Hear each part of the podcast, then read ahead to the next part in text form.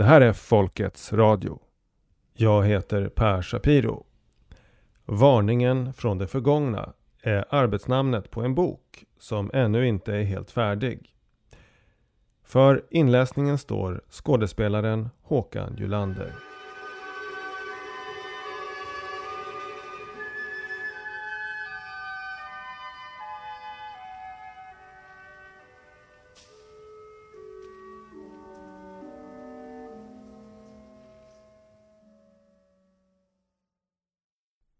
7.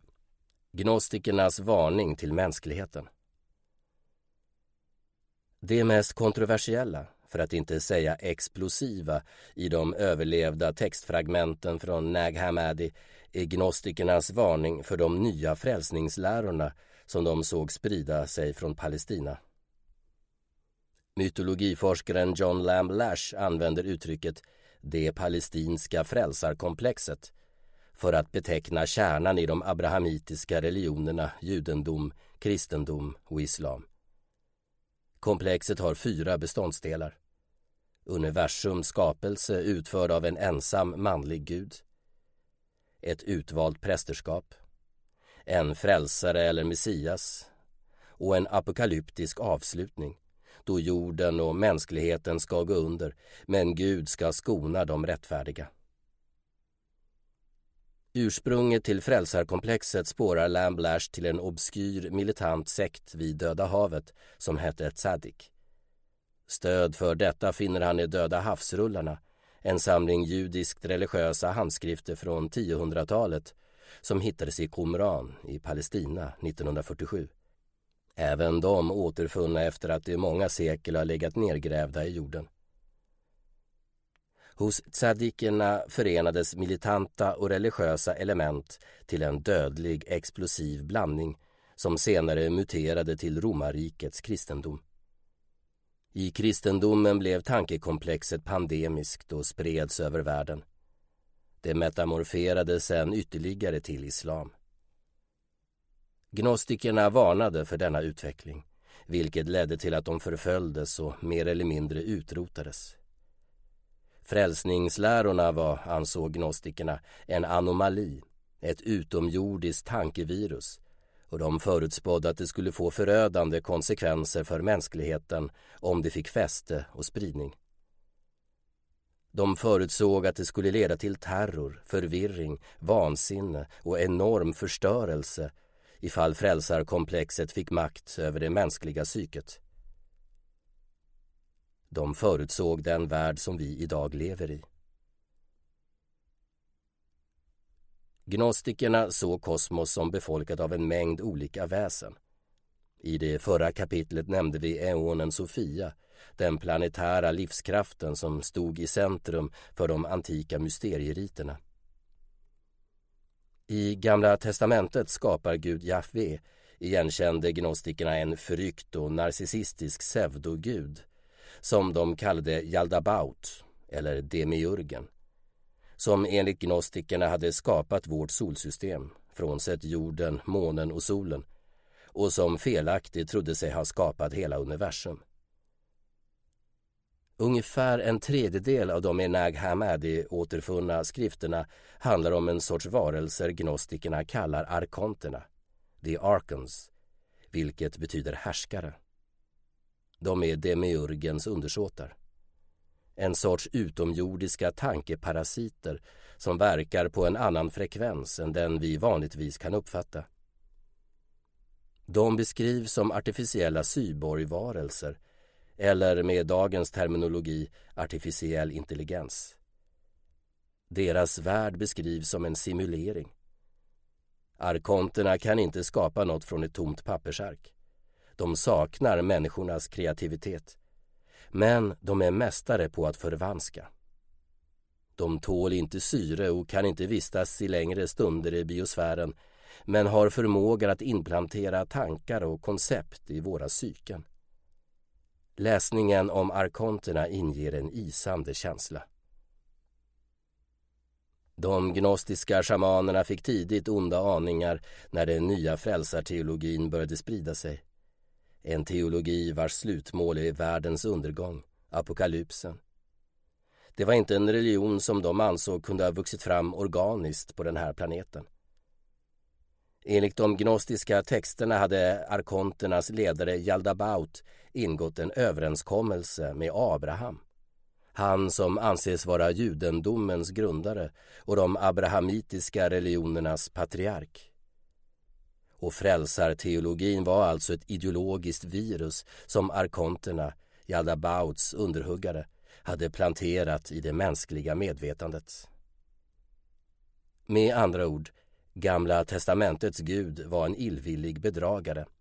En patetisk demon som felaktigt tror sig ha skapat hela universum. Och frälsarteologin var en religiös vanföreställning. Ett så pass allvarligt villospår för mänskligheten att det skulle kunna leda oss bort ifrån vår naturliga evolutionära bana som alltså enligt gnostikerna var att utvecklas i samspel med planetens intelligens och leda oss mot fördärv. Enligt gnostikernas synsätt var den gudomliga planen som skulle realiseras genom ett utvalt folk och deras Messias och kulminera i apokalypsen på domens dag. Ingen andlig eller spirituell färdplan utan ett gigantiskt och förödande bedrägeri. Det är inte svårt att förstå varför gnostikerna blev föremål för den kristna kyrkans utrensningar. I Nag Hammadi-texterna beskrivs arkonternas primära modus operandi med de grekiska orden apaton och antimimon. Där det förstnämnda handlar om bedrägeri som arkonterna finner njutning i och där det sistnämnda är ett begrepp som det inte finns någon exakt översättning till i svenskan. På engelska används ibland counter mimicry. Förenklat kan man beskriva det som att de skapar simuleringar och kopior men med en omvänd innebörd så att kopian tjänar ett syfte motsatt originalets. En våldtäkt är ett counter-mimicry av sexualiteten. Kriget ett counter-mimicry av leken. En kontrollerad opposition är ett counter-mimicry till den ursprungliga oppositionella rörelsen. Vi ska utveckla detta vidare i kommande kapitel. Arkonterna kan alltså inte vistas i jordatmosfären, utom möjligen väldigt kort. Men de kan ändå inverka på det mänskliga psyket. Det är som att arkonternas närvaro i solsystemet skapar ett avvikande medvetandefält som har potentialen att förvilla mänskligt tänkande och lotsa det på villovägar. Arkonterna har förmågan att, för att tala med mystikern Carlos Castaneda, Ge oss sitt tänkande, give us their mind, som med tiden kommer att upplevas som vårt eget. Med Castanedas ord skulle man kunna säga att världsreligionerna är a foreign installation in the human mind. Enligt gnostikerna står maktlystna individer och grupperingar under arkontiskt inflytande. De använder sig av arkontiska härskarmetoder där det centrala är manipulation av människors perception av verkligheten. Kanske lite som att arkonterna erbjuder det maktlystna sinnet en härskarmanual med ett rikligt urval av tekniker för bedrägeri och förtryck att välja bland. Arkonterna kan också få oss att utveckla teknologier genom vilka de kan ta kontroll över oss. Det vi kallar artificiell intelligens skulle gnostikerna ha kallat arkontisk intelligens. Man behöver knappast undra vad agnostikerna skulle ha dragit för slutsatser ifall de i en kristallkula fått se en skymt av en framtida tunnelbanevagn där människor, vuxna som barn, hypnotiserat stirrar in i sina mobila rektanglar. Precis som med myten om eonen Sofia vill man först bara lägga beskrivningen av arkonterna åt sidan som antikverad science fiction. Men det finns en kuslig resonans med så mycket, med hela världsutvecklingen sedan texterna skrevs. Jag inser också att jag som läsare är indoktrinerad av en kultur formad av en sekellång impregnering med mekanistiskt positivistiskt tänkande som i sin tur föregåtts av mer än tusen år av religiös hjärntvätt då kyrkans ideologer trummade in sina dogmer. Sammantaget ett robust vaccin mot att överhuvudtaget tänka i termer av övernaturliga fenomen. Som Baudelaire skrev, djävulens främsta knep var att få folk att tro att han inte existerar. Många anser idag det vara självklart att medvetandet enbart är en biprodukt av hjärnans verksamhet. Med ett sådant synsätt framstår det som oerhört konstigt att dessa arkonter, givet att de inte kan vistas i jordatmosfären, skulle kunna existera inuti vårt huvud.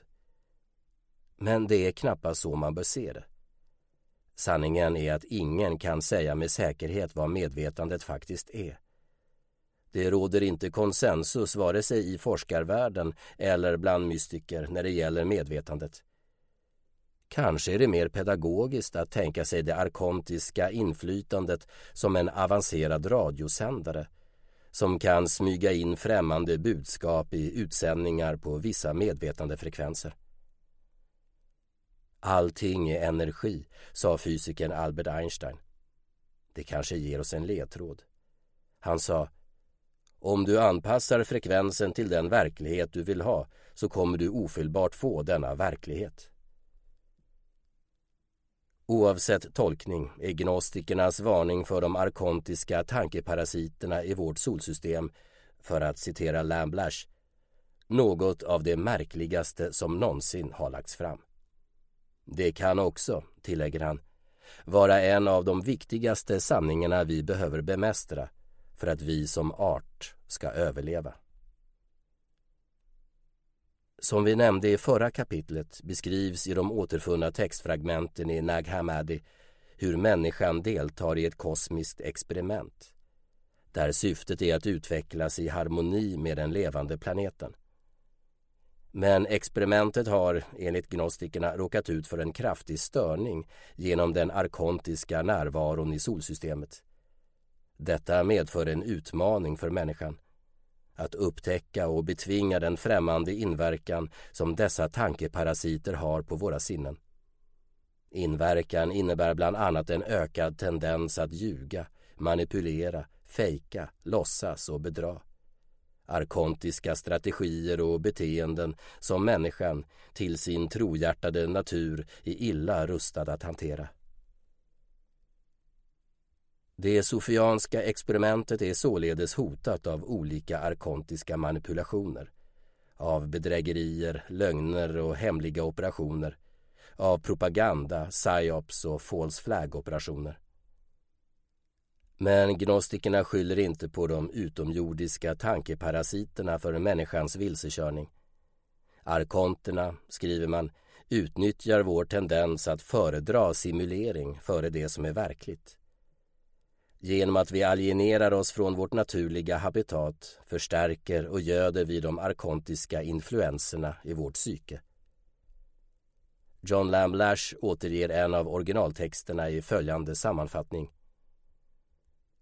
Vi människor har särskilt begåvats med en exceptionell förmåga till abstraktion och till att tänka i abstrakta modeller. Men faran ligger i att preferensen för reproduktionen och abstraktionen tar över i vår tankeverksamhet och att den så att säga börjar leva sitt eget liv om vi inte håller den inom vissa ramar. Som människor är det i vårt eget sinne vi har att upptäcka det främmande inflytandet. Det är först när vi blir medvetna om denna foreign installation in the human mind som den inte längre kan influera oss. Gnostikerna har ibland tillskrivits uppfattningen att den fysiska verkligheten är en illusion. Det är felaktigt. Tvärtom beskriver de planeten och sinnevärlden som ett vackert mysterium. Men det finns faktorer i våra egna psyken som blockerar oss från att fullt ut tränga in i och uppleva detta mysterium. Arkonterna, skriver gnostikerna, kan smyga in sin främmande intelligens i vårt tänkande. Däremot kan de inte ta över eller kapa våra psyken med våld. Men om vi tillåter oss att fastna i deras garn kan de ta över våra psyken och få kontroll över oss. Det är dock inget de kan forcera utan det sker genom att vi själva abdikerar vårt eget medvetande. Det hade varit intressant att veta om det var så en gnostiker skulle beskriva det vi idag kallar en fullfjädrad psykopat som en människa vars psyke tagits över av arkonterna. 8. Det arkontiska programmet Gnostikerna ansåg att jorden egentligen inte är en del av planetsystemet utan har fångats in i det. Eonen Sofia, som är det organiska ljuset, har sin ursprungliga hemvist någonstans i Vintergatans spiralarmar i hörnet av vår galax. Därifrån har hon materialiserat sig som jorden, en organisk levande planet av misstag infångad i ett mekaniskt planetsystem. Nyckelordet är misstag. Ordningen vi bor i kom till av ett misstag, står det i en av texterna från Nag Hammadi. Gnostikerna såg kosmos som bebott av många sorters väsen. Och när det gäller vårt solsystem kan vi förenklat säga att gnostikerna pekar på två kategorier av utomjordisk närvaro. Dels arkonterna, dels Jaldabaut, deras anförare, som alltså ingått en överenskommelse med Abraham de abrahamitiska religionernas patriark. Låt oss utifrån den information som finns bevarad och återskapad av det gnostiska materialet försöka sammanfatta de egenskaper som arkonterna och deras anförare har och vilken agenda de kan tänkas ha för jorden så ska vi sedan försöka identifiera områden där vi kan tänka se konturerna av deras inverkan. 1. Gnostikerna beskrev arkonterna som att de var icke-organiska och saknar intentionalitet och att de saknar empati och kreativitet. Med andra ord lite som vi idag betraktar en maskin eller en dator. Den mest exakta tolkningen tror jag är att gnostikerna såg dem som en form av artificiell intelligens. 2. Deras modus operandi är simulering, virtuell verklighet. Ett begrepp som gnostikerna kallade för HAL. Om namnet låter bekant beror det antagligen på att filmregissören Stanley Kubrick valde det namnet, HAL, till datamaskinen som försökte kapa rymdskeppet i sin berömda film år 2001, ett rymdäventyr. 3. De saknar originalitet men är mästare på att förvränga och förvanska det som redan finns. Smoke and mirrors. De bedrar och vilseleder vårt psyke genom att plantera tankar och smyga in falska kopior av viktiga begrepp. Gnostikerna använder ordet antimimon. Det handlar om att förfalska, men på ett spegelvänt sätt så att kopiorna perverterar syftet med originalet. Det gör kopior som tjänar ett syfte motsatt originalets. Gnostikerna anser alltså inte att världen är en illusion i bemärkelsen overklig. Det illusoriska elementet ligger i det felaktigt uppfattade. Lamblash beskriver i boken Not in his image distinktionen mellan ett misstag och ett bedrägeri och tar ett exempel med en vattenslang och en giftorm. Vi har själva kapaciteten att missta slangen för en orm. Men bedrägeriet uppstår när vi avsiktligt manipuleras att begå detta misstag genom att giftormen placeras där vi förväntar oss se vattenslangen. 4. Arkonterna, står det, kan inte vistas på jorden.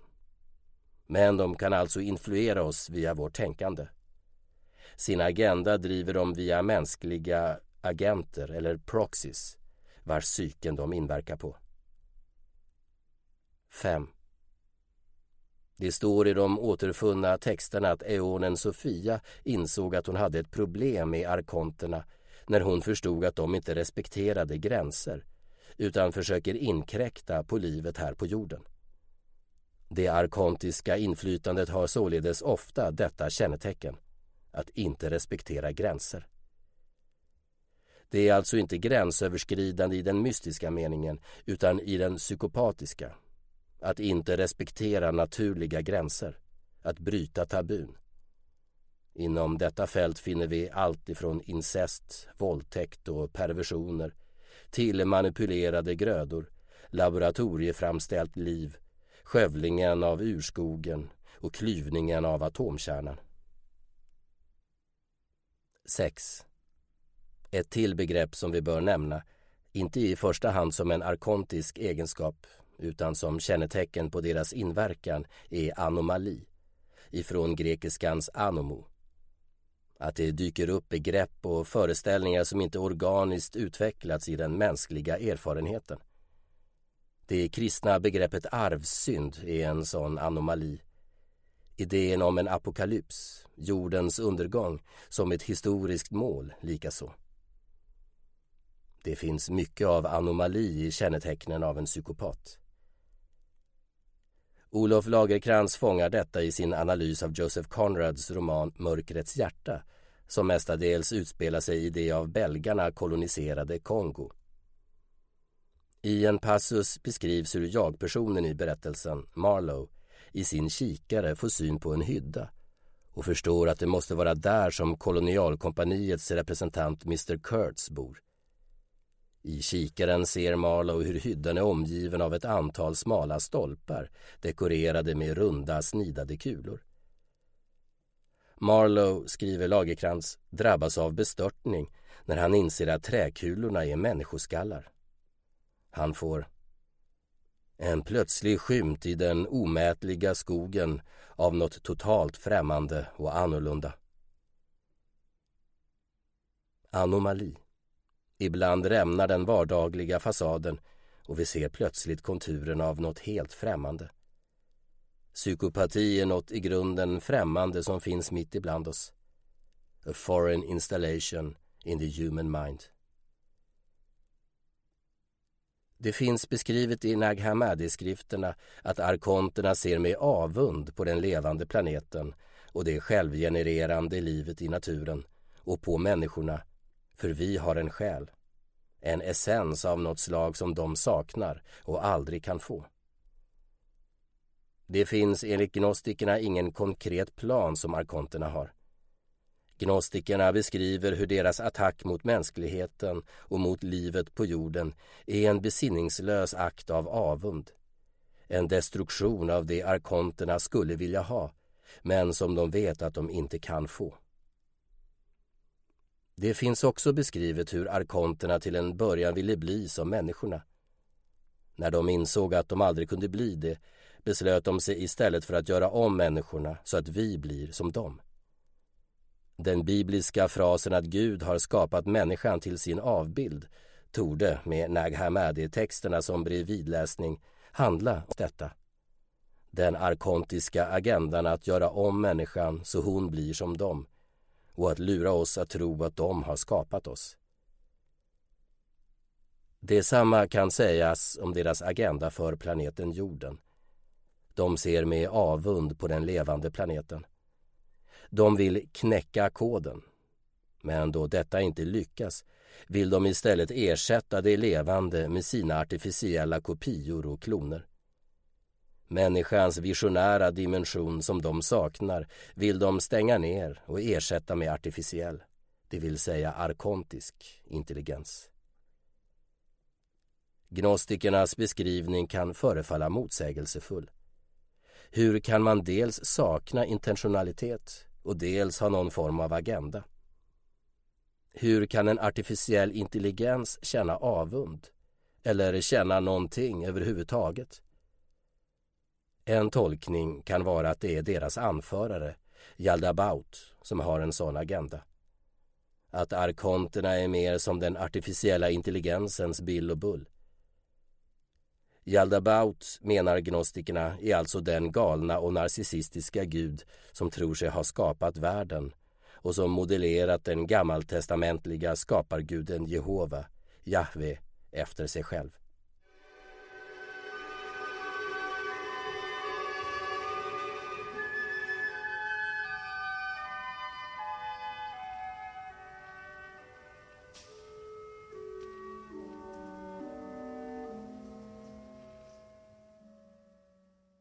Du har hört kapitel 7 och 8 av Varningen från det förgångna av Per Shapiro. Inläsning Håkan Julander.